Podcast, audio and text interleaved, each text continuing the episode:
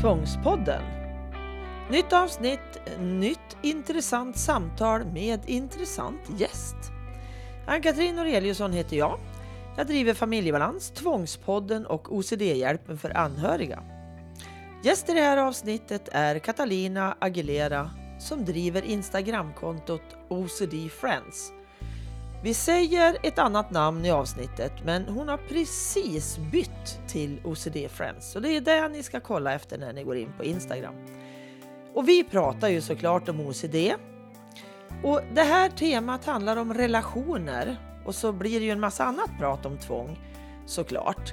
Men just att den här sortens OCD eller det här temat i OCD är relationer och det kan vara vilka relationer som helst. Det behöver inte vara till en partner utan det kan vara kamraterna, det kan vara mamma och pappa, det kan vara syskon, vad som helst. Bara det är relationer. Och det kommer vi in på att prata mer om. Och vi vill visa att det finns hopp, glädje och en framtid såklart. Tvångspodden görs i samarbete med Comicap. Företaget som brinner för att skapa förutsättningar för ökad livskvalitet hos den enskilde. Hos dem hittar du hjälpmedel som ger en meningsfull morgondag. Varmt välkommen att besöka Comicaps hemsida och följ dem i sociala medier.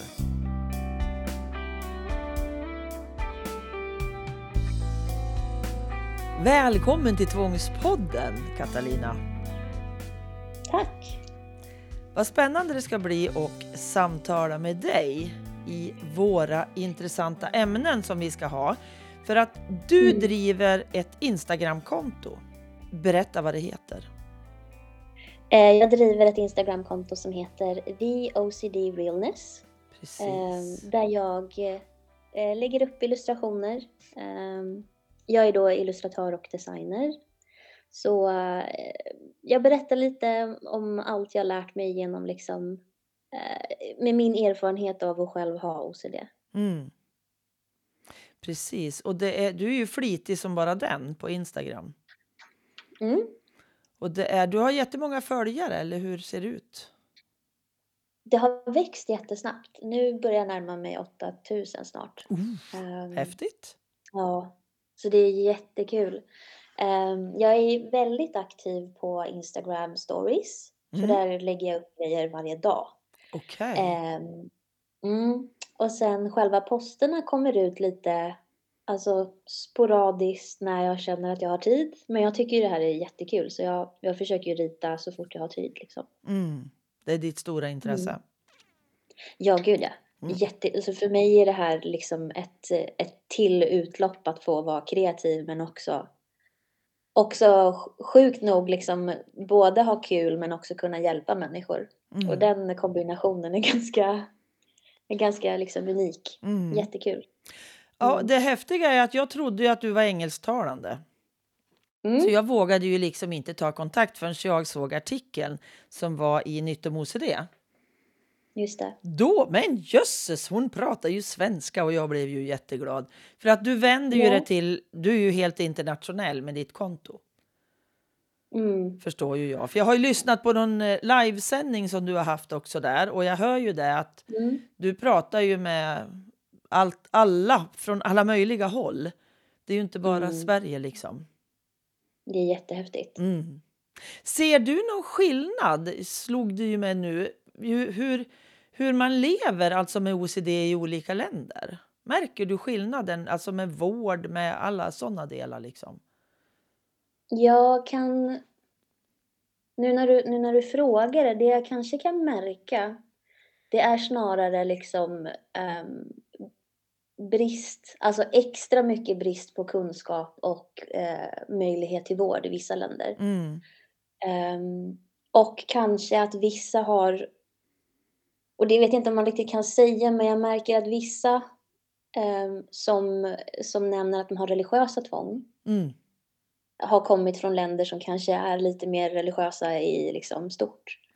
Eh, precis. men också till exempel väldigt många från Indien som hör av sig och säger liksom att de har försökt få vård eh, men de hamnar liksom bara hos folk som påstår sig Okej. liksom behandla OCD men som har sina helt egna teorier eh, och egna procedurer som inte alls grundar sig i liksom, eh, Mm. rätt terapiform. Precis. Vi är nog ganska unika på ett sätt i Sverige för vi har ju ganska mycket forskning också runt OCD. Mm. Och det är klart att det inte finns i hela världen, såklart. Nej, jag tror också att det är liksom eh, både...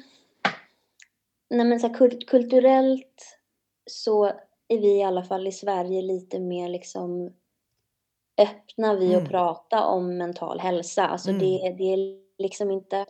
Även om OCD kan vara väldigt tabu så Mm. är vi ju ändå ganska öppna om att prata om mental hälsa i Sverige på det Mm. sättet. Sen så, så märker jag att till exempel i Indien kanske så är det en kultur där det är, svårare att prata om sådana saker. Alltså, man kanske inte tyr sig till sina föräldrar på ett lika öppet sätt eller liksom lika nära som man kanske gör i vår kultur. Nej, nej, det måste ju vara Ehm, jättestor skillnad alltså, i olika kulturer Ja. på det här sättet. Helt Så nu klart. när du nämner det så, ja, så, så sådana saker kan man nog märka Ja. utifrån de interaktioner jag har. Liksom. Ja. För enligt forskningen så säger ju den också att OCD är ju väldigt jämlik. Eh, Mm. vad heter det? En jämlik diagnos. Mm. Att det är lika många män som kvinnor, det finns i hela världen, i alla kulturer. Så att det måste ju vara väldigt mycket svårare att ha OCD i en kultur där jag inte ens kan få vettig behandling. Såklart. Ja, verkligen. Mm. Jag hade aldrig Och tänkt på det här innan faktiskt. För det var nu när det, polletten ramlade ner nu när jag började prata med dig. Ja, Vad intressant genom att jag vänder ju mig bara till Sven Sverige och ja, kanske Norge, Finland och Danmark. Mm. Men inte, inte i övriga, det är Norden liksom jag håller mig. mm. Spännande. Nej, verkligen. Man, man, man märker den skillnaden. Mm. Och inte bara liksom svårt att få rätt vård, men just det här också att, att ehm, ja, men man kanske inte pratar med sin familj om sådana saker. Liksom. Nej. Alltså, att, det, att det finns mycket liksom hårdare normer och kanske till och med strukturer eller kanske så hierarki till och med i en familj där man, man kanske inte vänder sig till pappa för att berätta om sina problem överhuvudtaget. Liksom. Nej, Ehm, precis. för att man inte har den relationen. Nej. Eh, Och det blir ju, OCD är ju redan väldigt så här, ensamt Ja, i det ett öppet samhälle som Ja. Sverige ändå är. Ja. Så då, då blir det ju extra jobbigt att vara i en kultur där det finns väldigt starka tabun. Liksom. Mm. Jo, men precis. Och jag tänker bara det här vi, vi har vidrört när vi har pratat innan här just med hur mycket du har eller hur mycket vi får som har någon, ändra att vi har OCD själv eller att vi är anhörig, hur mycket vi får undervisa när vi Ja. ska in i vården till exempel. Alltså det är ju så mycket okunskap fortfarande om vad Mm. OCD är, hur man ska vara när, gentemot en person med OCD. Alltså vilken behandling finns. Inom primärvården är det ju jättedåligt. Mm. Hur tänker du där? Hur får du göra? Jag ser ju i artikeln också att du får ju utbilda du med. Mm. Jag, eh, jag är väldigt... ehm, ur min egna upplevelse liksom, så kan jag bara säga att jag är jättebesviken och jättekritisk till, till liksom hela ledet av vård. Mm. Alltså, ehm, det, ty, tyvärr, till och med, jag kom ändå ganska tidigt in i specialistvård. Ehm, jag fick ju mina första starka symptom av OCD eh, i min första relation när jag var typ 16. Okej. För mina, mina tvång har alltid kretsat kring relationer. Mm. Ehm, så det var ju då det liksom började yttra sig som starkast. Ehm, sen tror jag jag redan vid 19 kanske hade sökt mig till specialistvård. Jag bor i Stockholm så det är ju Mm. ett plus för mig att, att det finns liksom större utbud här. Men det var jätte, jättelång väntekö. Ja. Jag, liksom, jag ringde in och kände så här, jag, jag klarar inte av en enda dag till. Nej. Kände jag då. Eh, och jag hamnade liksom på en väntelista på åtta månader. Mm. Ja, det känns ju outhärdligt. Bara det i sig känns som att så här, ingen bryr sig. Varför får jag inte hjälp liksom? Nej. Och sen när man väl kom till specialister så kändes det som att de fortfarande inte riktigt fattade. Ehm, och där kan jag, jag vet att många som har OCD ofta liksom, man vill att terapeuten ska förstå ens tankar. Alltså man vill känna sig sedd och förstådd liksom. Mm. Och, och till en viss nivå så, så kan det bli orimligt för att man ska ju inte gå in i varenda liten tanke och rädsla man har. Men Nej. man behöver ändå som, som någon som liksom lider, behöver man känna att snälla förstå mig. Ja. Och i vården, eh, i specialist, liksom, det här är liksom specialister inom OCD, så fick jag aldrig liksom förklarat att eh, tvång kan handla om relationer. Nej. Alltså det, det, det man alltid liksom hör, till och med när man eh, försöker liksom få remiss och allting, alla de här utvärderingarna man gör, det, det, det, senast jag sökte vård så tänkte jag också på det. Det finns liksom ingen kategori där relationstankar passar in. Nej. Det, det, hamnade, det hamnade typ under så här kontrollbehov eller Mm, någonting. Alltså mm. det var, jag var tvungen att försöka så här klämma in mitt, mitt tema i något av de här typiska grejerna som hela Okej. tiden nämns. Mm. Och, och det, det kändes också som att så här, det finns inte rum för mig, ingen förstår mig. Och, Ehm, nej. och jag tror också och det, det, har, mm, har varit liksom den, den... Under så lång tid så har man inte lyft den här problematiken. mm, Att den liksom har blivit dold bakom, ja men det är väl svartsjuka eller, eller ja, lite sådär. mm, Och det är ju Mm. förskräckligt. Så att det är ju jätteviktigt att vi lyfter och pratar om just det här med att det är, finns OCD i relationen. Många pratar ju om det Mm. som att det är en egen diagnos, men det är det ju inte. Den finns Nej. ju inom OCD, det är en del av OCD. Kan vara, alltså, eller finns alltid inom OCD och är ingen egen Mm. diagnos. För man säger ju relations eller relations-OCD eller ROCD. precis. Berätta Men lite, det är ju hur var som det du för säger. dig? Hur var det för dig? Hur temat var för mig, Ja, eller? hur såg det ut liksom? Alltså jag har ju fortfarande kvar eh, samma typer av liksom rädslor. Mm.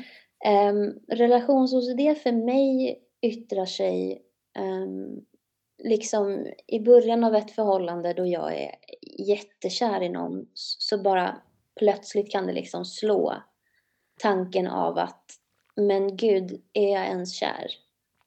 Och som liksom med all OCD så är det ju att man får tankar och känslor och ibland till och med liksom eh, man kan känna nästan så behov typ som går emot ens natur. Mm. Så det blir ju det blir en krock i huvudet och i känslorna av att det går inte ihop liksom. Så medans jag då var med en person jag var jättekär i Mm. så kunde jag känna känslor av typ avsky. Ehm, jag kunde känna att jag var totalt oattraherad, till och med äcklad. Mm. Ehm, jag började oroa mig att jag, om jag inte känner känslor för honom, känner jag känslor för andra. Mm. Och då blev det liksom att varje manlig främling jag gick förbi blev som en trigger Ja. av att ehm, av att jag kunde få känslan av att så här, typ, gud, drogs jag till den här främlingen? Ville jag typ gå fram och pussa den här människan? Mm. Ehm, och det här är liksom jättefysiska känslor man känner av att, att man typ man, man känner att man typ dras till att göra saker man verkligen inte vill. Ehm, och i det så började jag då liksom utveckla en massa undvikanden av att jag slutade umgås med mina killkompisar. Ehm, mitt sociala liv helt och hållet blev ju liksom noll till slut för att Mm. allt var så triggande. Så jag, eh, ja, men jag blev väldigt liksom osocial, jag undvek alla fester, alla kompisar. Ehm, och ju fler undvikande jag gjorde desto liksom fler triggers fick jag och det blev ju bara en liksom spiral av, av tvångshandlingar. Mm. Det förstod inte jag till en början för man gör ju allt det där för att man bara vill undvika ångesten och Ja, liksom visst. smärta. Så det känns ju logiskt i stunden att man bara vill undvika allt som är jobbigt. Mm. Men som med, vilken liksom, med vilket tema som helst, till slut så börjar man ju undvika livet för att Ja. allt blir så svårt. Exakt. Mm. Ja, det finns ju inget liv till slut om man, om man inte får behandling. Nej.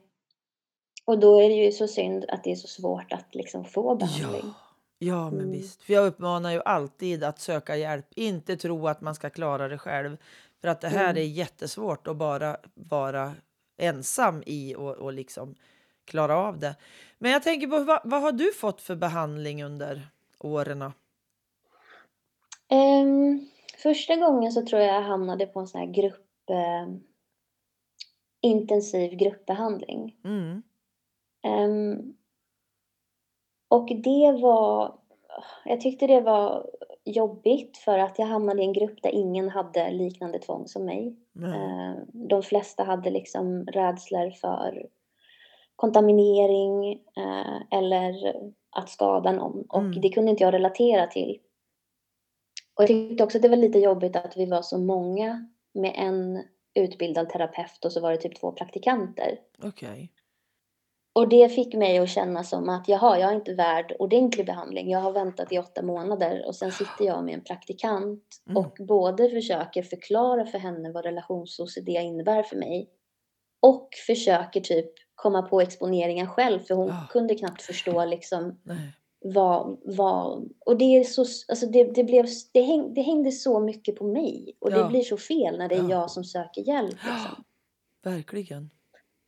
Så det var ju första gången. Ehm, sen så har ju jag, precis som du sa, idag i mitt konto nu på, på, på Instagram, jag säger alltid det, sök hjälp och Mm. har du inte pengar, spara. Mm, mm. För att jag slösade jättemånga år på att försöka lösa det själv. Um, också delvis tror jag för att man, man också ofta liksom, eller jag läste ofta att man kan, man kan liksom bli bättre på egen hand och man behöver egentligen inte medicin, fick jag ofta liksom läsa. Okej. Eh, och då kände jag att så här, aha, okej, men då borde jag kunna klara av det här. Mm. Ehm, då borde jag bara kunna sluta tänka liksom. Mm. Ehm, Gud så och så, förödande. ja, och, och sen då på det då att man liksom söker hjälp och kände att det inte hjälpte, då känner man också att man inte har så mycket kvar än Nej. att försöka hjälpa sig själv. Liksom. Nej, men hoppet blir ju... Det är svårt att bevara hoppet i sig då. Verkligen. Ja, när jag inte har klarat av det själv, som jag då tror och har läst mig till, och inte i en gruppbehandling, alltså vad finns det kvar, Mm. förstår jag ju. För jag tror att hopplösheten är stor för många. Verkligen. Mm. Och som kanske har gått igenom en KBT-behandling och inte har blivit bättre heller, utan mm. det har inte blivit bra. För att jag har Mm. ju, min son då har ju genomgått två olika KBT-behandlingar som är exponering och responsprevention, ERP. Mm. Och eh, andra varvet, då för, hade han, för liksom poletten måste ramla ner. Jag måste verkligen förstå vad det är jag ska göra och varför. Och Mm. inte fastna egentligen i tvångerna, utan det är ju det där vad jag ska göra för att komma vidare. Det är ju ingen idé att sitta och diskutera vilka tvång jag har och hur de ser ut och bla bla bla. Det blir ju Mm. bara att jag, jag blir ju bara kvar i det. Det är ju att göra Mm. sina läxor och gå vidare. Men det är tufft för många alltså. Och har jag inte stöd i mina anhöriga eller vänner eller partner, då blir det ju också väldigt svårt. Mm. Om jag ska överleva allt det Verkligen. här själv liksom. Har Jag du... tror också att, förlåt jag tänkte bara att Mm, jag tror att man of, ofta när man har OCD känner att ehm, att här, men det, här, det här borde jag klara av Mm. för att man kan liksom, man, kan, man, man ser inte sin diagnos, det är i huvudet och Mm. man kan vara så rationell på många andra sätt. Ja. Att man kan liksom känna att man borde klara av det. Mm. Ehm, men, men då förstår man inte liksom hur pass liksom, biologiskt det här ändå är. Alltså hur, hur beteendet är liksom så, så pass invant och Ja. både att liksom hjärnan fungerar på ett annorlunda sätt. Alltså Mm. man, man, man undervärderar hur, hur pass liksom sjuk är tråkigt att säga, men man Mm, det är är ju det. Ja, det är ju Det, så. det kanske inte syns, men man är ju det. Mm. Och bara för att det inte syns så tror man att man ska klara av det. Men, Mm. men man lider ju av en anledning. Och många lider ju liksom i år och fortsätter tro att de ska klara av det själva. Men liksom, Mm. kan man inte inom ett år klara av det själv, då, alltså, man behöver ju hjälp. Ja. Och för ju längre det och det är går... inget fel. Ja, precis. För ju längre det går med att jag fortsätter in och liksom syltar in mig i mina tvångshandlingar och tankar och det blir ju, det blir ju bara svårare att ta sig ur. Mm. Så att det är jätteviktigt det här med, som både du och jag säger, sök hjälp. För, och det kommer att ta tid att komma Mm. till hjälpen om jag inte har råd att betala alltihopa själv. Och det Just det. finns inte på alla ställen heller. Det finns inte Nej. terapeuter som kan ERP på alla psykiatriska mottagningar i Sverige. Det är ju en bristvara. Mm. Och jag tänker det, jag har ju upplevt brist i Stockholm. Mm. Och då är det ändå liksom eh, huvud... Ja, vi är liksom- avundsjuka på er kan jag säga. Vi som bor Ja. ute i landet. Ja, Så- men jag tänker det. Det blir ju så extremt... Alltså det är jättehemskt då att man liksom inte har alternativ. Nej. Ehm, Det har ju blivit lite bättre tänker jag nu under coronan ändå. Att det har kommit till Mm. fler internetbehandlingar. Det är inte Mm. helt omöjligt att få sin behandling på nätet. För det, det Mm. krävs när jag bor så långt ifrån ibland. Det är ju många som har 40-50 mil till en bra behandlare och då kan man ju inte sitta och åka varje vecka. Det går ju Nej. inte. Och behandlaren kan inte komma hem till mig heller. För så var det för min Marcus. Han fick ju behandling hemma hos sig när Mm. han var som sämst. För, och det var ju fantastiskt att hans terapeut Mm. kom hem till honom. Och det var inom Mm. den, den vanliga vården om man säger. Eller inom psykiatrin då. Den region, regionala psykiatrin. mm. Och det var ju hans räddning. Att han fick hjälp där. Mm. För på mottagningen hade, man, hade han ju inte så mycket tvång. Det var ju hemma det var.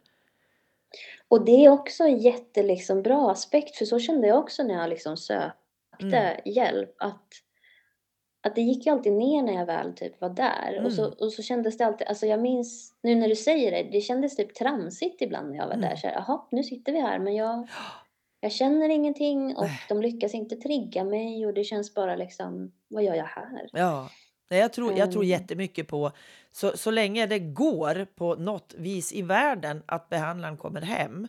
Så, eller är Mm. att man får vara i den miljön där jag får mitt tvång. Och det var, för min son var det ju hemma hos sig. Det var ju där det var värst. Mm. Liksom. Så att det var fantastiskt bra och gjorde ju att han kunde ju gå ganska snabbt framåt då. Fast det Mm. tog tid ändå. Det tar tid att gå upp Mm. nya stigar i hjärnan. Det är inte Ja, gjort i en handvändning liksom. Nej. Men, men hur kunde dina exponeringar se ut? Jag blir ju jättenyfiken på hur jobbar man med, med eh, den här Med relations... relations-OCD? Ja, Relationstemat. ja, det är relationstemat. Ehm, Jättebra att du nämner att det är mm. ett tema. Ja, Bra. för det är bara OCD. Ja. Men ehm, det, det, var, det var någonting som tog jättelång tid eh, för mig. Och det här är också en sån grej. Jag läste på så sjukt mycket, alltså Mm. till och med från att jag var 16. Så det är därför jag kan så mycket om Ja. OCD. Liksom. Jag kan det ut och in. Ja, Eh, men även oavsett hur liksom, eh, påläst jag var så, så gick det riktigt aldrig att göra något av det. För jag fattade mig inte på exponeringar. Ehm, just i liksom, också för att det var så svårt att hitta exempel. Ehm, just kanske med liksom tvång att man eh, är rädd för smitta och om man fysiskt tvättar händerna då kan det vara liksom lätt att förstå att okej, undvik att tvätta händerna. Det, det är så fysiskt så att man i alla fall liksom kan se Mm. ehm, hur man exponerar sig och liksom hur man avstår från tvång. Ja, men exakt. I mitt fall, ja, i mitt fall så var det både att mitt största tvång typ är, eh, rumination, alltså ruminering, att jag ältar saker Mm. och liksom analyserar saker. Och, och allt det kändes så automatiskt i mitt huvud. Mm. Ehm, men det är inte för senaste åren som jag, som jag liksom till slut kom fram. Och det är också det att så här, till slut så måste så här, poletten trilla ner. Mm. Ehm, även om alla liksom väldigt många gånger jag sökt terapi kanske inte hjälpte då. Så tror jag att alla hade lite av en dominoeffekt av att jag till slut bara fattade. Ah, okej, nu börjar jag komma fram till någonting. Mm. Eh, en jättestor insikt för mig, det var att inse att alla mina triggers kan bli exponeringar. Ehm, Mm. och, då, och då gäller det att vara medveten om vilken situation var det som triggade mig, vilket samtal var det som triggade mig, um, vart var jag när det hände liksom. Mm. Och då kan det vara som en sån sak, ehm, om jag vet att jag blir väldigt triggad när jag umgås med mina killkompisar för att jag börjar tänka så här, en, en vanlig tanke kan vara typ oj, har jag mer kul med min killkompis än med min kille just nu? Mm. Eh, betyder det att jag gör något fel? Ja. Är jag otrogen? Är det så här omoraliskt? Eh, vad ska jag göra av det här? Måste jag göra slut nu? Det är liksom så ältandet går. Mm. Eh, och då kunde ju ett undvikande vara att jag undvek sociala situationer. Så då måste jag tänka att en exponering är i så fall att göra det som triggar mig. Och se till att träffa mina killkompisar oavsett liksom. Mm. Um, tydliga exponeringar jag gör idag, det kan vara att när jag börjar tveka i mitt förhållande så är ett jättevanligt undvikande att jag börjar dra mig tillbaka. Jag kan känna så här att om jag inte vet om jag älskar personen, då har jag inte rätt att krama den personen. Mm. Um, för, då, för då är jag oärlig, säger mitt huvud till mig. Ja. Um, så då börjar jag liksom undvika att uh, vara gullig eller liksom kramas. Uh, och då vet jag att jag måste försöka göra motsatsen. Oavsett om jag känner mig jättetveksam så kan jag göra valet att jag går och kramar honom och Mm. jag går och pussar honom och jag kanske till och med säger jag älskar dig även om jag inte vet om jag gör det 100% för att mitt huvud hela tiden tvekar. Så väljer jag att göra det ändå. Mm. Och det är väldigt liksom triggande och jobbigt för mig. Ehm, för att eh, responsen i mitt huvud då blir ju liksom eh, du är en lögnare, Mm. du lever en lögn, du lurar honom. Mm. Och det är blir jättemycket liksom, Och då blir det här ett ältande. Ja, och ett ältande Ja. och det snurrar det här då liksom i... precis. Och där någonstans måste jag då både liksom exponera mig till att jag gör det som känns jättefel. Mm. Eller som min hjärna säger att jag inte borde göra. Det Mm. gör jag ändå. Och så måste jag vara jättemedveten om att inte börja göra alla de här tvången. Liksom att jag får inte börja analysera, jag får inte börja undvika, jag får inte börja eh, älta. Eh, men just det här att, att kunna tänka att, att allt som triggar mig kan bli en exponering. Eh, på något sätt liksom klarade upp bilden i mitt huvud att okej, ehm, jag kan göra jag, jag kan göra många fysiska exponeringar, för det var också problem. Mm. Eh, jag tänkte liksom att jag har ju bara mentala tvång, trodde jag jättelänge. Eh, men då, då helt ignorerade jag att jag undvek jättemycket och undvikande är ju ganska fysisk. Mm. Ett fysiskt tvång av att liksom fysiskt välja att inte engagera mig i vissa saker, liksom undvika saker. Mm. Um, så när jag insåg det så öppnade det upp jättemånga liksom, uh, möjligheter för exponeringar som jag inte hade tänkt att jag kunde göra innan. Nej, men det är ju så mycket man måste lära sig alltså, av, om sig själv och kunna vad tvång är. Alltså det är A och O, tänker jag, att sätta sig in i vad är OCD och särskilt om det finns inom relationsdelen, temat. Så när det Mm. inte finns så mycket att läsa, då Mm. är det ju jätteviktigt att hitta ditt konto och lära sig den Mm. vägen, tänker jag. Ja, jag har ju lärt mig liksom, allt jag har läst har ju alltid varit på engelska. Mm. Alltså, det är inte förrän nyligen jag har sett svenska artiklar om det. Och, och det som är så tråkigt och kanske också så extra jobbigt med relationstemat, det är ju att jag känner att om jag nämner det här för någon så kommer ju de bara säga så här, ja men det är vanligt att tveka ett förhållande. Mm. Eller så här, eh, ja men det kanske inte är rätt person för dig. Ja, men precis. Alltså, för att folk tänker utifrån sina egna situationer. ja. Ehm, och det, det är så lätt att typ klassa relationstemat som, som något liksom vardagligt alla går igenom. Men Ja. det är ju inte det. Alltså nivån jag går igenom det på är ju sjuklig liksom. Ja, ja, precis. det, det, det, det är ingen liksom charmig liten quirk jag har utan det, det påverkar hela mitt liv. Liksom. Ja. Mm. Och så himla viktigt att, att du vågar gå ut och berätta och, och liksom har skrotat skammen. Är Mm. Så otroligt viktigt, tänker jag. Att andra får höra ja, men alltså det finns fler än jag. Verkligen. För det här har, det- varit- jag tror det här är ett jättestort stigma just i det här temat. För att det är Mm. så skämmigt och så fult att vara då den här som tvekar och som är, kanske upplever sig svartsjuk och men gud är den där som tänker springa iväg och vara otrogen och så. Alltså det är ju Mm. jättejobbiga känslor. Det Så- skapar ju också en jättestor rädsla i att söka hjälp. Ja. För att, alltså till, till och med, och det här, det här är, det, det är faktiskt pinsamt. Jag har sökt hjälp hos specialister Mm. eh, där jag någon gång i, igen, liksom, de få gångerna i livet jag så här bröt ihop och kände att jag klarar mig inte själv, nu måste jag söka hjälp. Jag minns att jag liksom ringde eh, specialister gråtandes och bara, jag behöver hjälp nu, jag klarar inte det här själv. Mm. Och då frågade den här personen, men eh, om dina kompisar träffade din kille, vad skulle de tycka? Skulle de tycka att ni var rätt för varandra? Och jag kände bara, men det, det där är min största rädsla. Ja. Alltså, ehm, ett jättestort undvikande för mig har varit att typ inte umgås med pojkvän och mina vänner för jag är så rädd att de ska säga till mig att men herregud, han är ju fel för dig. ja. Det är det min har största du så det rädsla. räcker. Ja, det har ju du så Ja. det räcker i dig själv liksom. Ja, precis. Och här var det liksom en specialist som då vill... Hon frågade så här, men innerst inne så vet du väl att du tycker om honom? Och hon frågade det fullt seriöst, inte Ja. som en exponering. Och jag kände bara, men du förstår ju ingenting. Mm. Det, det, det är så... Ja, Ja, men det är ju golva ju en totalt.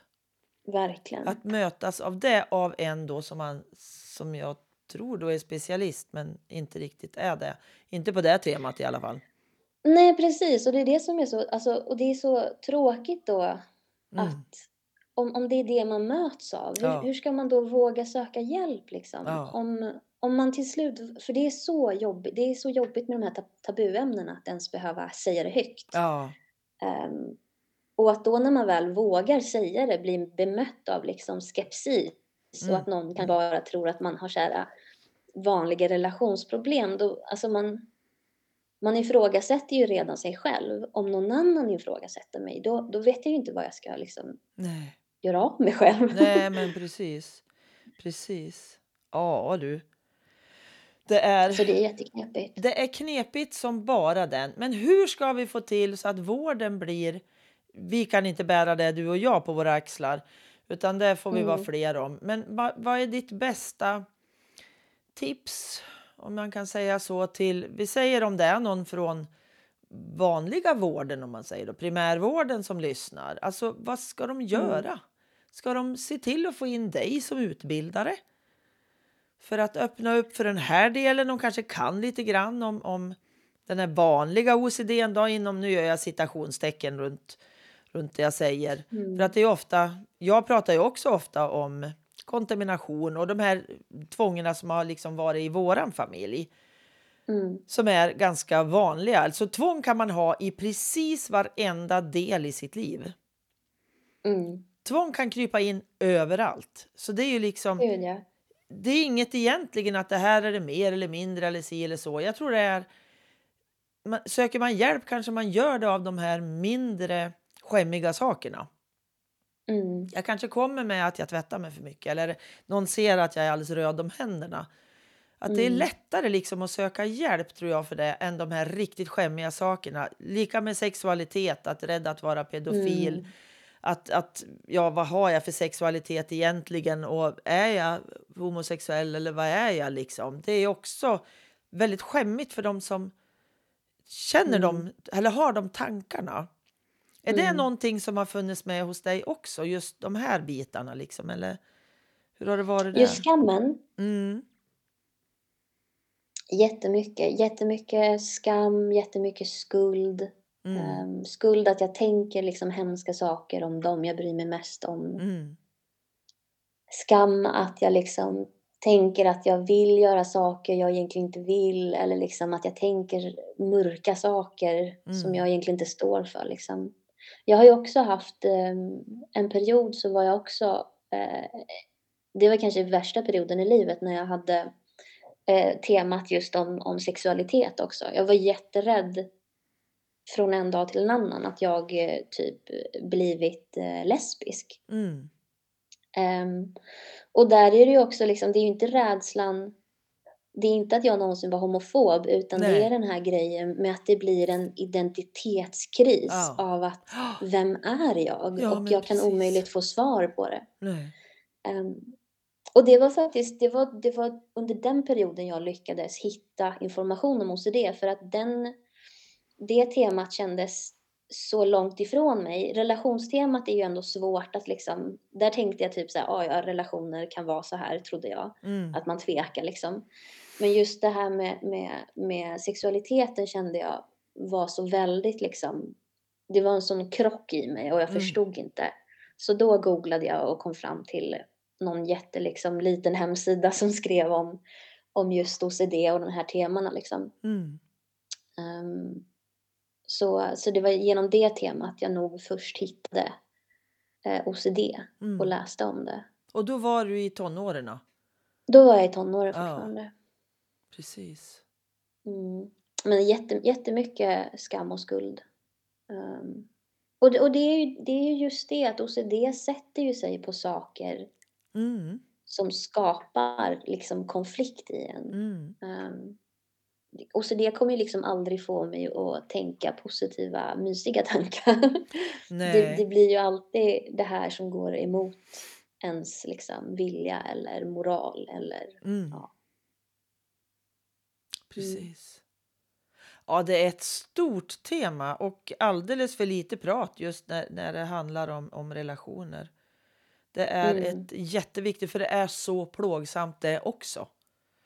Mm. Det, är ju, det tar ju, upptar ju så många timmar och så mycket plågande för den som har det. Gud ja. Mm. Och jag ser ju också att det spelar ju egentligen ingen roll. Alltså, vi säger att temat är relationsbiten då för en. Så ser det ju Mm. olika ut för alla också. Den ser ju inte exakt likadan ut för varje individ. Nej. För Och relationstemat kan ju också vara liksom det kan vara relationen till ens förälder eller till ens Mm. kompis. Alltså, det, det kan ju variera jättemycket. ja. Ehm, Precis lika som andra, andra teman i OCD kan ju också att det var att jag är rädd för smitta. Men alltså anledningen och hur jag gör och allt det här är ju jätteolika för varje Mm. individ, fast det är kanske samma tema. Och så Mm. är det ju såklart med, när det är i relationsbiten också, vilken relation det är eller hur det visar sig eller vilka tvångshandlingar jag gör eller undvikanden eller så. just det. Så att det är, det är så brett, det är så enormt brett och ändå så okänt.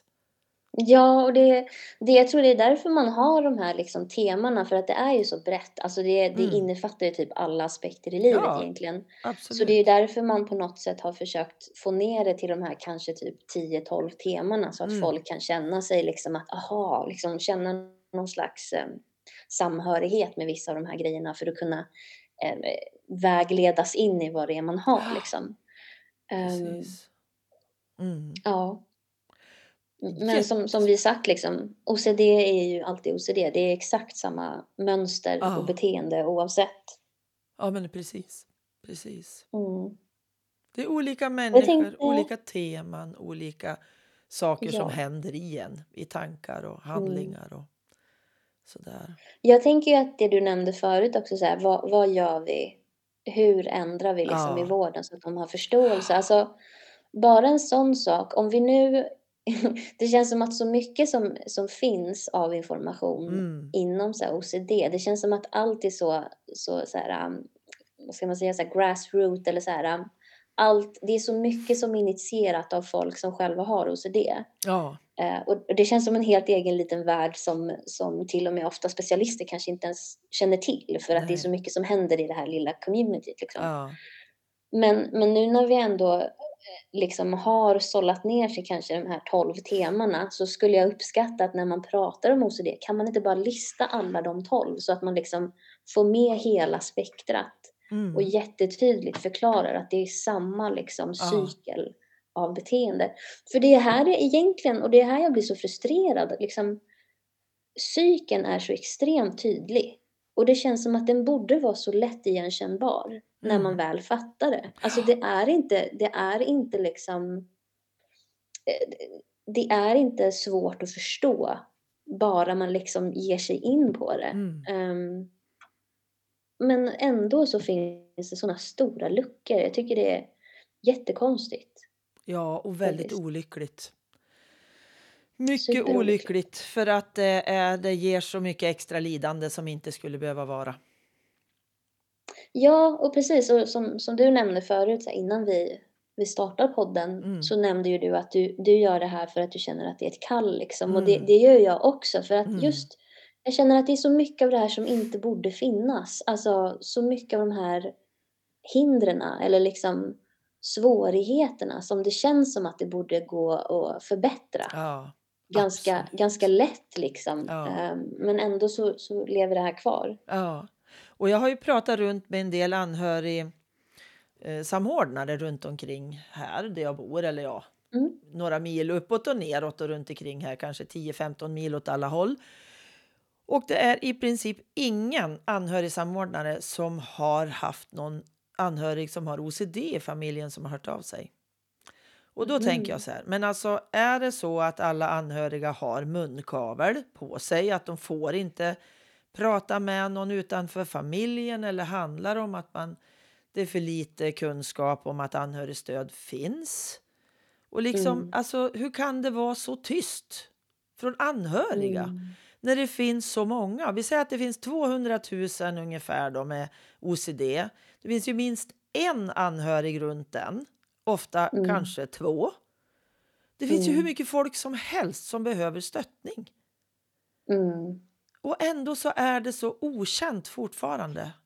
Jag fattar inte det. Ja, det, det är konstigt. Och, det är liksom, och, och där när du sa det så, så kommer jag att tänka på att självklart behöver en anhöriga stöttning alltså Mm. för sig själv. Mm. För det, det kan vara väldigt liksom eh, uttröttande och svårt att, Mm. att antingen vara partner till någon som har OCD eller familjemedlem. Mm.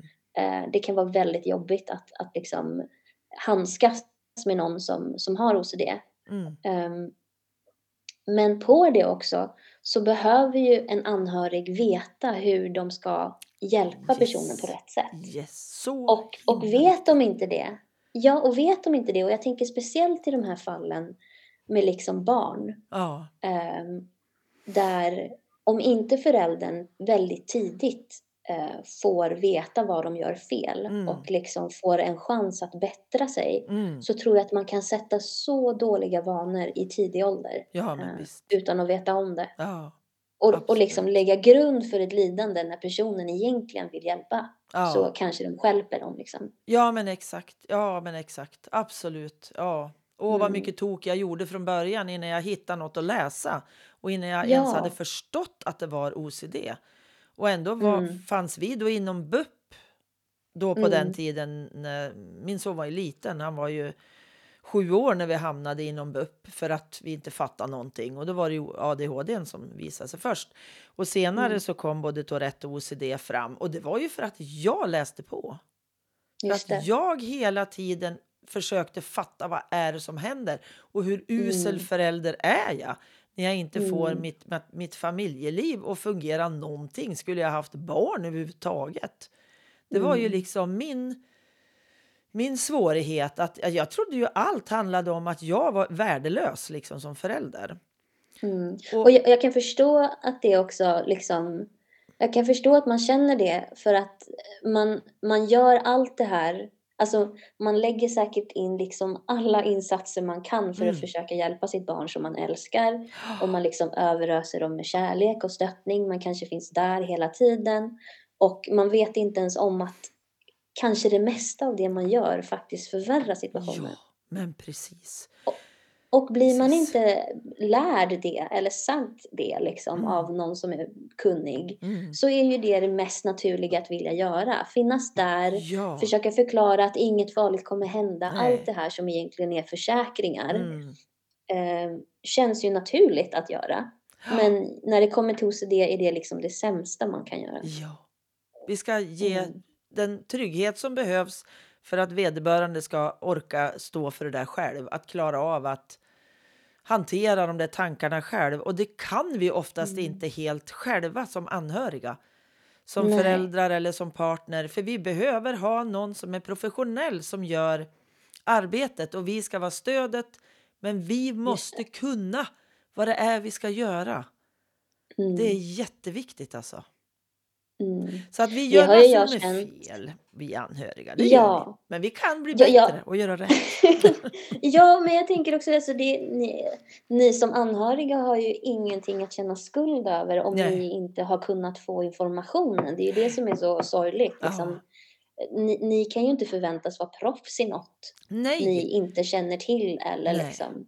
Och på den tiden då, för det här är ju alltså i slutet på 1990-talet, Mm. 99 kanske, 98, 99, som det visade sig att det fanns OCD hos min son då.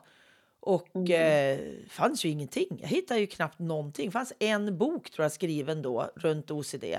Och det Mm. fanns ingen, ingen eh, KBT, ERP Nej. för honom. Där på Mm. BUP fanns ju ingenting på den tiden. Alltså. Det har ju kommit på Mm. senare år. Så han var ju mer än vuxen, alltså över 18 år en bra bit innan han fick sin första behandling förutom medicin då, alltså när han fick KBT, alltså exponering. Då. Så att det gick ju jättemånga år som jag var hans behandlare. Det var ju jag som läste på och jag gjorde, hjälpte honom att göra Mm. exponeringar och läxor och höll på som fasiken. Och det ska man ju Mm. absolut inte göra. Men jag kände Mm. just det, vad gör jag när vi inte får någon annan hjälp? Då måste jag, Mm. jag kan inte låta han bara fortsätta liksom. Nej. Och ändå har han Och- haft svår OCD på senare år. Kanske för att jag har gjort fel, jag vet inte. Men, eller och vissa har svårare än andra. Det är ju så också. Mm. Att Mm. det, det är väldigt olika. Och jag har gett mig gröna på att jag ska inte känna vare sig skam eller skuld för det. För att jag gjorde Nej. mitt absolut bästa. Och det ska Ja, ingen gud, annan ja. förälder behöva göra heller. Nej. Utan vi får nej. resa oss ur askan på något vis, tänker jag. För det gör jag. Och tänkte, nej fasiken, då får jag jobba för att det är fler som ska få hjälp istället. Istället för att krypa ner under en sten och skämmas. Det tycker inte Ja, jag. nej, verkligen inte liksom. Det, alltså man gör ju det man tycker är, är logiskt i alla andra fall, i Ja. alla andra relationer Mm. med alla andra människor liksom. Man, man fattar ju inte att OCD är ett undantag. Nej men precis, och logiken funkar inte överhuvudtaget vid OCD. Nej. Och jag kan tänka mig att det i sig måste också kännas jättehopplöst som förälder eller som partner eller liksom att, Mm, att mm. man tycker att man ger så mycket och man försöker så mycket men tyvärr så försöker man ju på fel sätt så man får ju aldrig några positiva resultat. Man, det bara Nej. blir värre och värre. Ja. Och då, och då kan jag tänka mig att det känns jätte liksom svårt att, att känna, lätt att känna sig otillräcklig kan jag tänka mig. ja, verkligen. Och just det här med då att försöka förklara, det höll ju jag på med länge. Att liksom, Mm. ja men så här förstår du och bla bla bla. Helt Mm. vansinnigt. Aldrig mer. Jag förklarar ingenting mer. Och nu har vi, Mm. Marcus har väldigt lite OCD, jättelite. Han hanterar det väldigt bra idag. Och har sina Mm, redskap från sin, sin terapi, terapi som han har gått. Det har varit Mm. fantastiskt bra och det är så underbart att se att han kan hantera det idag. Och kan stoppa sig Mm. själv när han känner att han börjar bära iväg. Liksom så här, nej, jag ska inte tvånga, nu slutar jag. Och Det är det, jättebra. ja, det är jättehäftigt att se, verkligen. Verkligen. Mm. Mm. Jag känner ju att jag också har börjat nå dit. Vissa dagar känner jag att jag är nästan så här äh, frisk. Mm, mm. Eh, Men det är jätteskönt när man kommer till en punkt där man, man ser, man kan se så objektivt på mönstret man har. Att man liksom Mm. lär sig att snappa upp de här signalerna att man är på väg att liksom spirala ner i något dåligt. Ja. eh, Och faktiskt kan lyckas eh, reducera tvången eller stoppa tvången eller liksom omfokusera alla de här liksom teknikerna man kanske lärt sig på vägen. Mm. Precis. Mm. Ja, Katalina, jag skulle kunna prata med dig i två dagar känner jag. Det är Ja, jättespännande, här. jätteintressant. Och det är så Mm. härligt när man har samma intresse fast från två håll. Att vi Mm. är ju liksom på två sidor om OCD kan man säga. Mm. Och eh, ja, jättespännande att lyssna till dig och så himla viktigt att du vill göra ditt Instagramkonto med alla dina fantastiska illustrationer. Jag Mm. önskar att jag var mer haj på engelska kan jag säga, men jag kanske ska träna på dina illustrationer så lär jag ju mig mera. Ja, jag funderade ju på när jag skulle starta kontot. Mm. Ehm, så jag startade ju kontot ur den här känslan av att gud vad ensamt det är att ha OCD. Mm. Samtidigt så vet jag att så här, 2-3% i världen har OCD. Ja, Det är väl jättedumt att alla vi sitter och känner oss ensamma när det Ja. finns så många av oss. Så jag tänkte så här, ah, men jag, jag slänger upp en liten grej. Jag tänker inte ha så höga prestationskrav på mig själv. Jag gör det för att det är kul. Ehm, men när jag gjorde det så funderade jag på, så här, ska jag göra det på svenska eller engelska? Eh, men sen så kände jag att det finns, i alla fall, det finns ju flera, men om jag tänker, jag tänker på OCD Sweden, mm. eh, ett konto på Instagram, jätteduktiga. Ehm, sen har vi Erika som eh, har en annan typ av tvång. Precis. Ett konto på, på Instagram som också är svinduktig och Ja. hon har ju också liksom lärt sig genom alla sina eh, misstag och liksom försök med, med terapeuter och jag tror att den här liksom insikten från folk som har haft OCD som man liksom jag tror, jag tror det är en aspekt som en terapeut inte riktigt kan ge eh, på Nej, egen hand. nej. Eh, den här självupplevda delen är jätteviktig ehm, Ja, för att absolut. kunna förklara. ja. Eh, och jag kände att de här kontona och, och några till eh, var så duktiga på svenska delen så jag Mm. tänkte så här, men jag, jag testar på engelska. Mm. Ehm, Det gjorde du rätt i.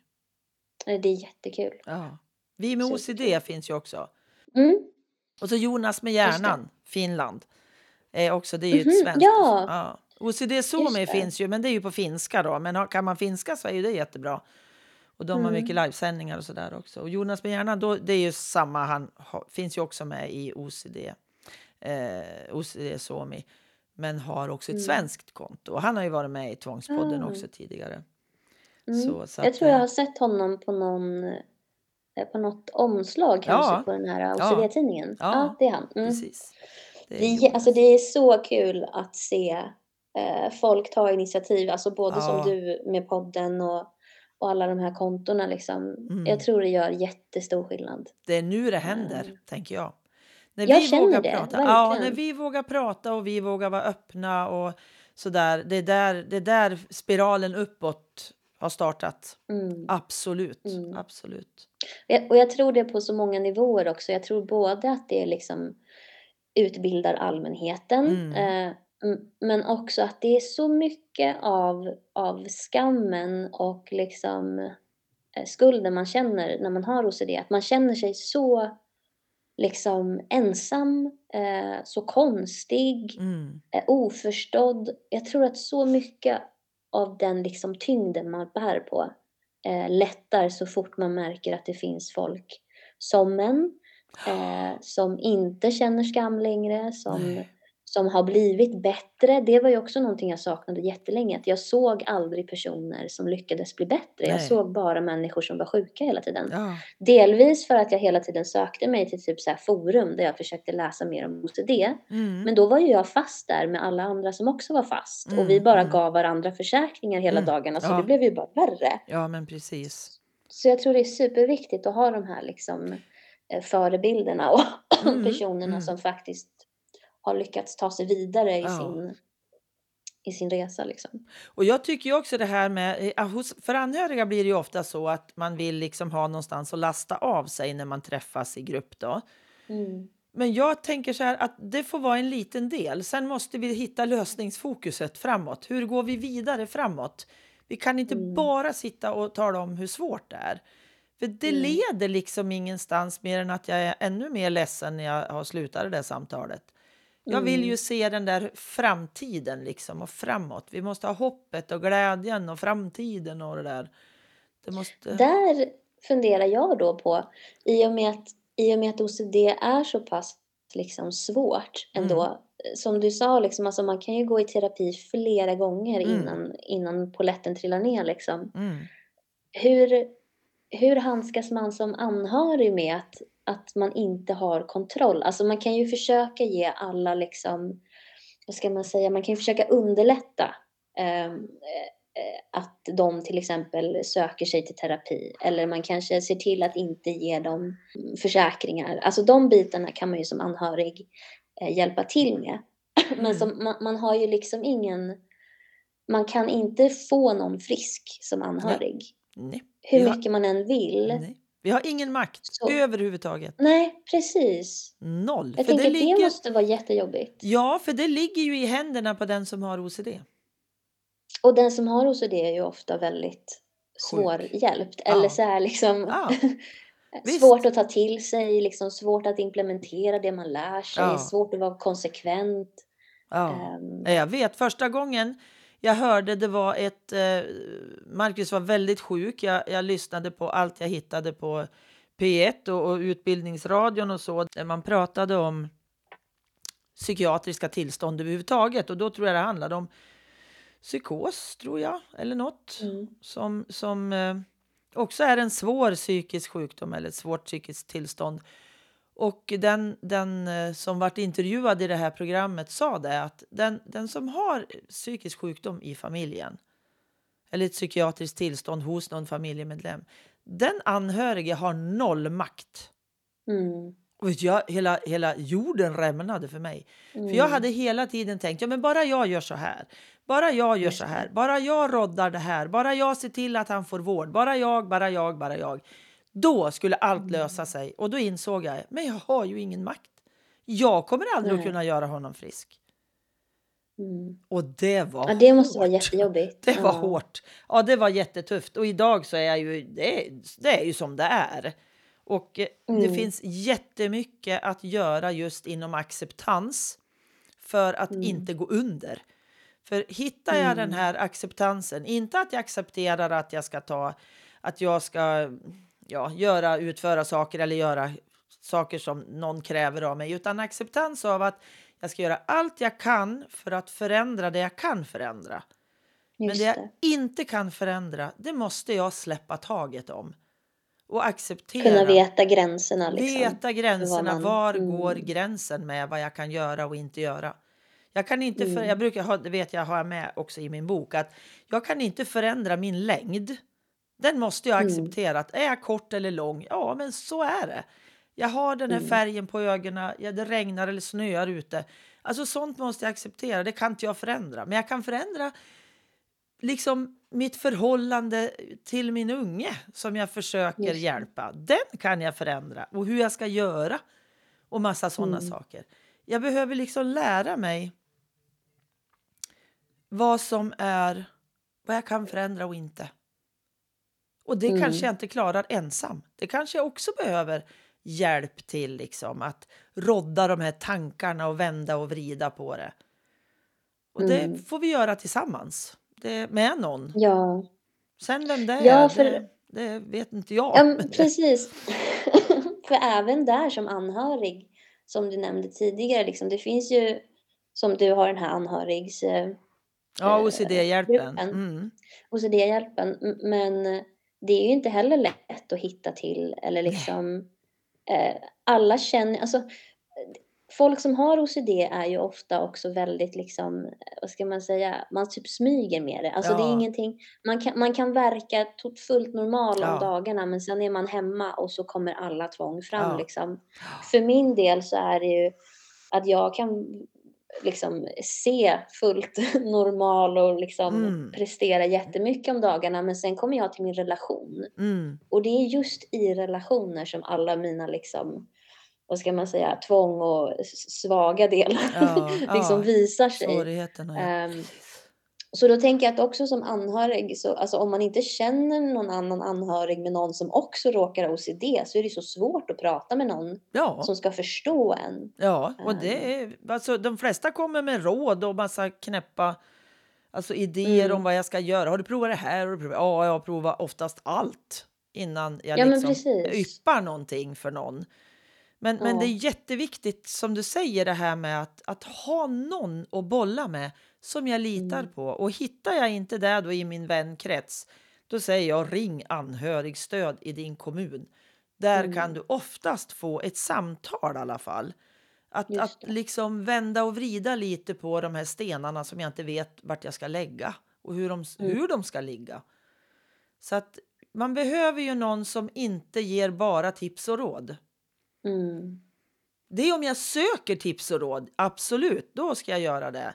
Men inte om Mm. människan bara vill öppna sig och se, ja, och, och ja, få berätta att så här Mm. ser det ut hos oss. Just det.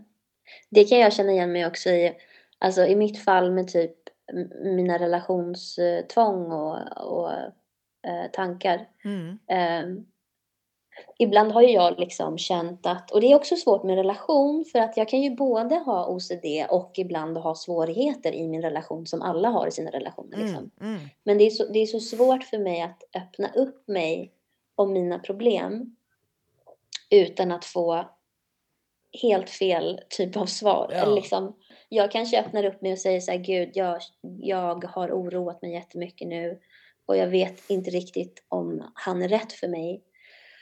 En, en vanlig kompis som inte förstår sig på OCD skulle säga, ja men han kanske inte är rätt för dig.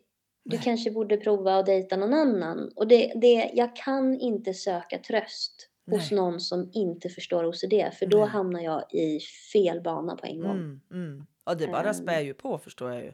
Allt. Precis. Så det, Vad önskar du att de Ja. sa? Nu vart ju jag jättesugen på att veta. Vad önskar du att man säger? Vad önskar jag att de säger? Just den Jag- där. Alltså när, när du Ja. kommer och så säger du till mig liksom. Alltså jag vet inte, är det här rätt för mig? Och så vet jag Ja. någonstans ändå att ja men alltså du har, det är ju någonting som du har nämnt någon gång tidigare med att Mm. ja, vad var det det hette du har? Men alltså hur ska jag möta dig då när du säger så? Jag kom faktiskt att tänka på nu en gång när jag öppnade upp mig för en kompis. Jag var så här, jag kände mig ganska låg och så och jag kände mig helt övertygad om att så här, nej, nu är förhållandet på väg att ta slut. Mm. Jag var jätteledsen och så, det är alltid då det kommer ut när jag känner att jag inte kan hålla det inne längre och, och så är det ofta med tvången, att Mm, de kommer mm. från en plats som känns väldigt liksom pressad och Mm. stressad.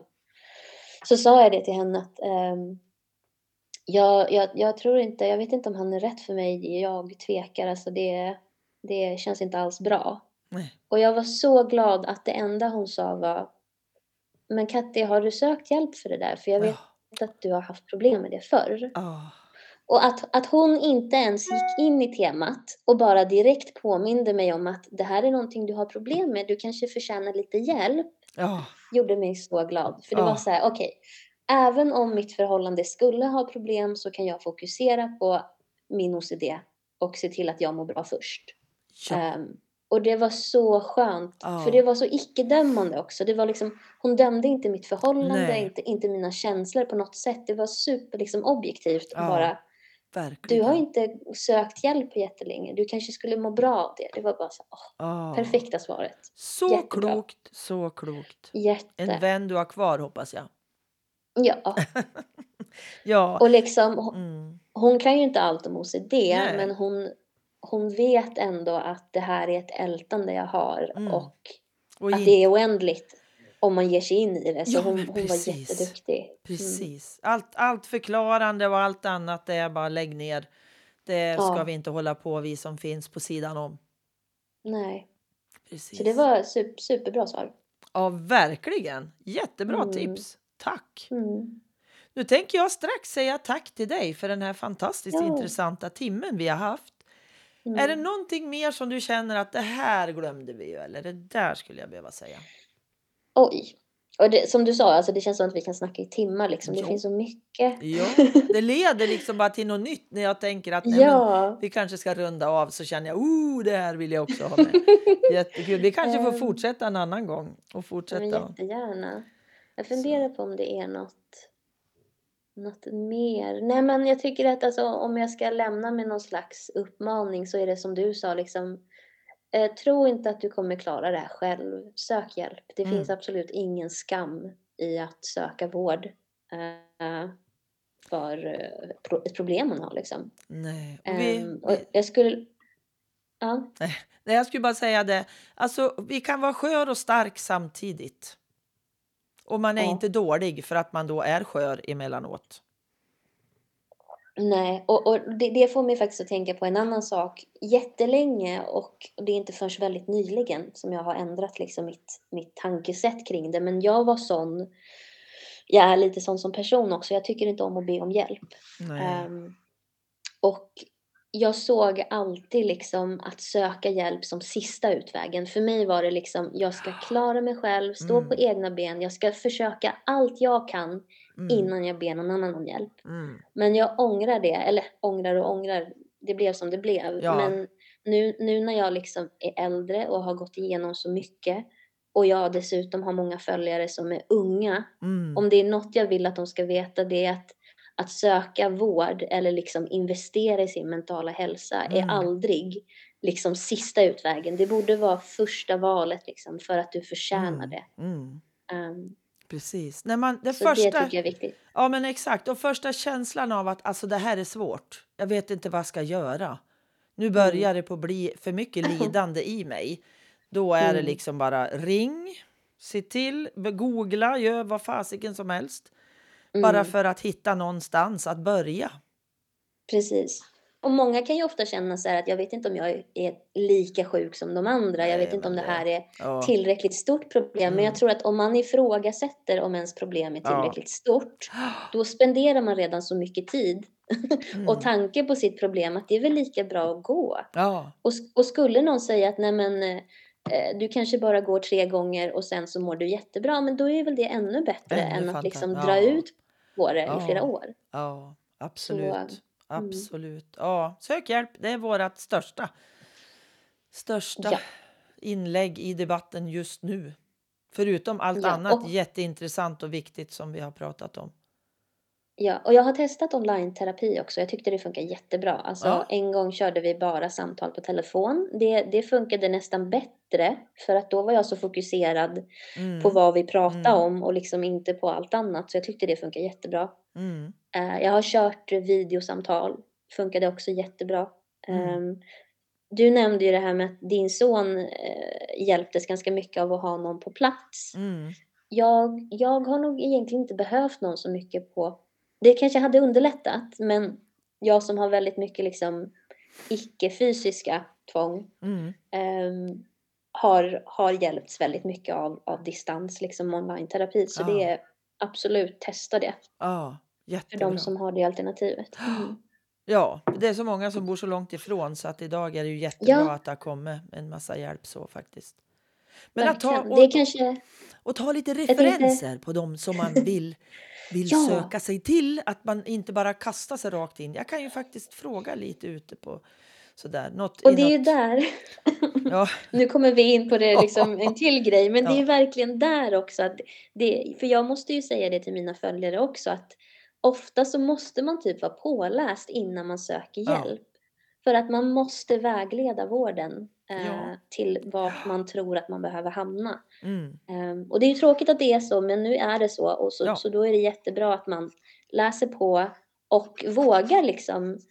Man söker ju ändå vård för, sin, för sig själv. Eh, man betalar för det. mm. Man tar sin tid till det. Man har all rätt att sätta krav på den som ska hjälpa en. ja, Eh, och se till att de, att de vet vad de gör. och Och då inte. måste man veta vad man söker. Ja, men Mm. precis. Och funkar det inte med den man då blir till, tilldelad så måste man också kunna säga att nej, det här funkar inte för mig. Om jag har gått fem gånger och jag Mm. känner att vi klickar inte, då måste jag Mm. byta. Och det är verkligen en sån aspekt som jag har känt. Och, och, men det, det är det som också blir så, så tråkigt och tragiskt också, att när det är en sån brist på Ja. specialister, Ja, så känner man inte att man har det urvalet Nej. att liksom bara, är hej då, nu testar jag någon annan, för Ja. att det kan vara så långa väntetider, Ja. det kan vara så svårt att hitta.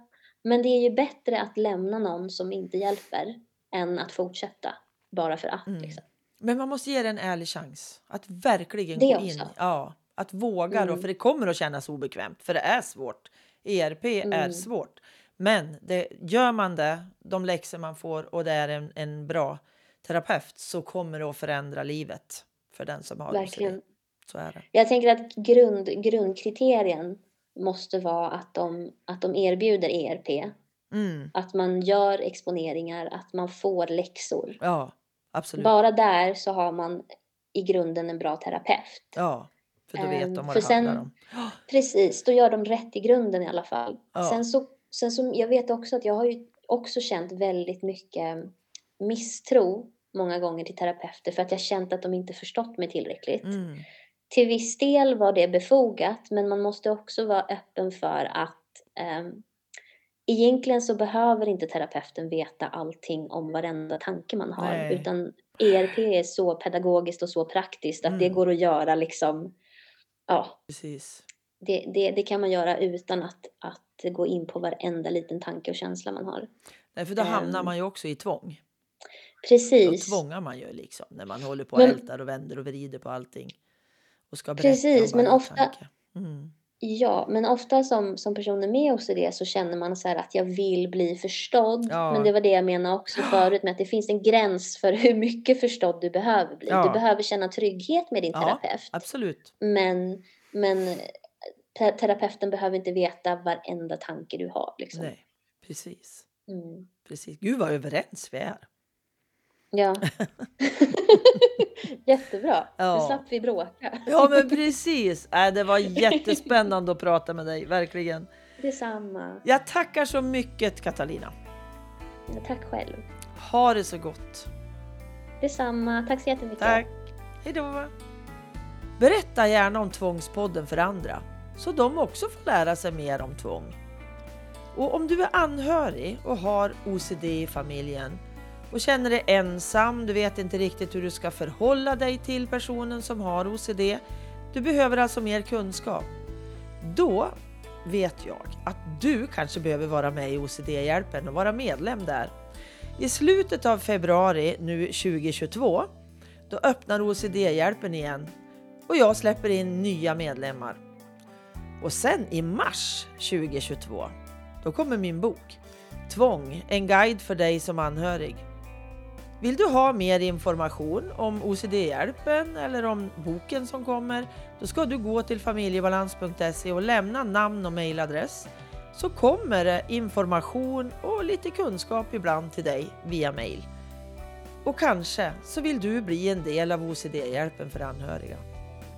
Tack Anders för redigeringen, Petra Berggren för fotograferingen, Pelle Zetterberg för musiken och tusen tack Comicap för samarbetet. Hej då, hoppas vi hörs igen!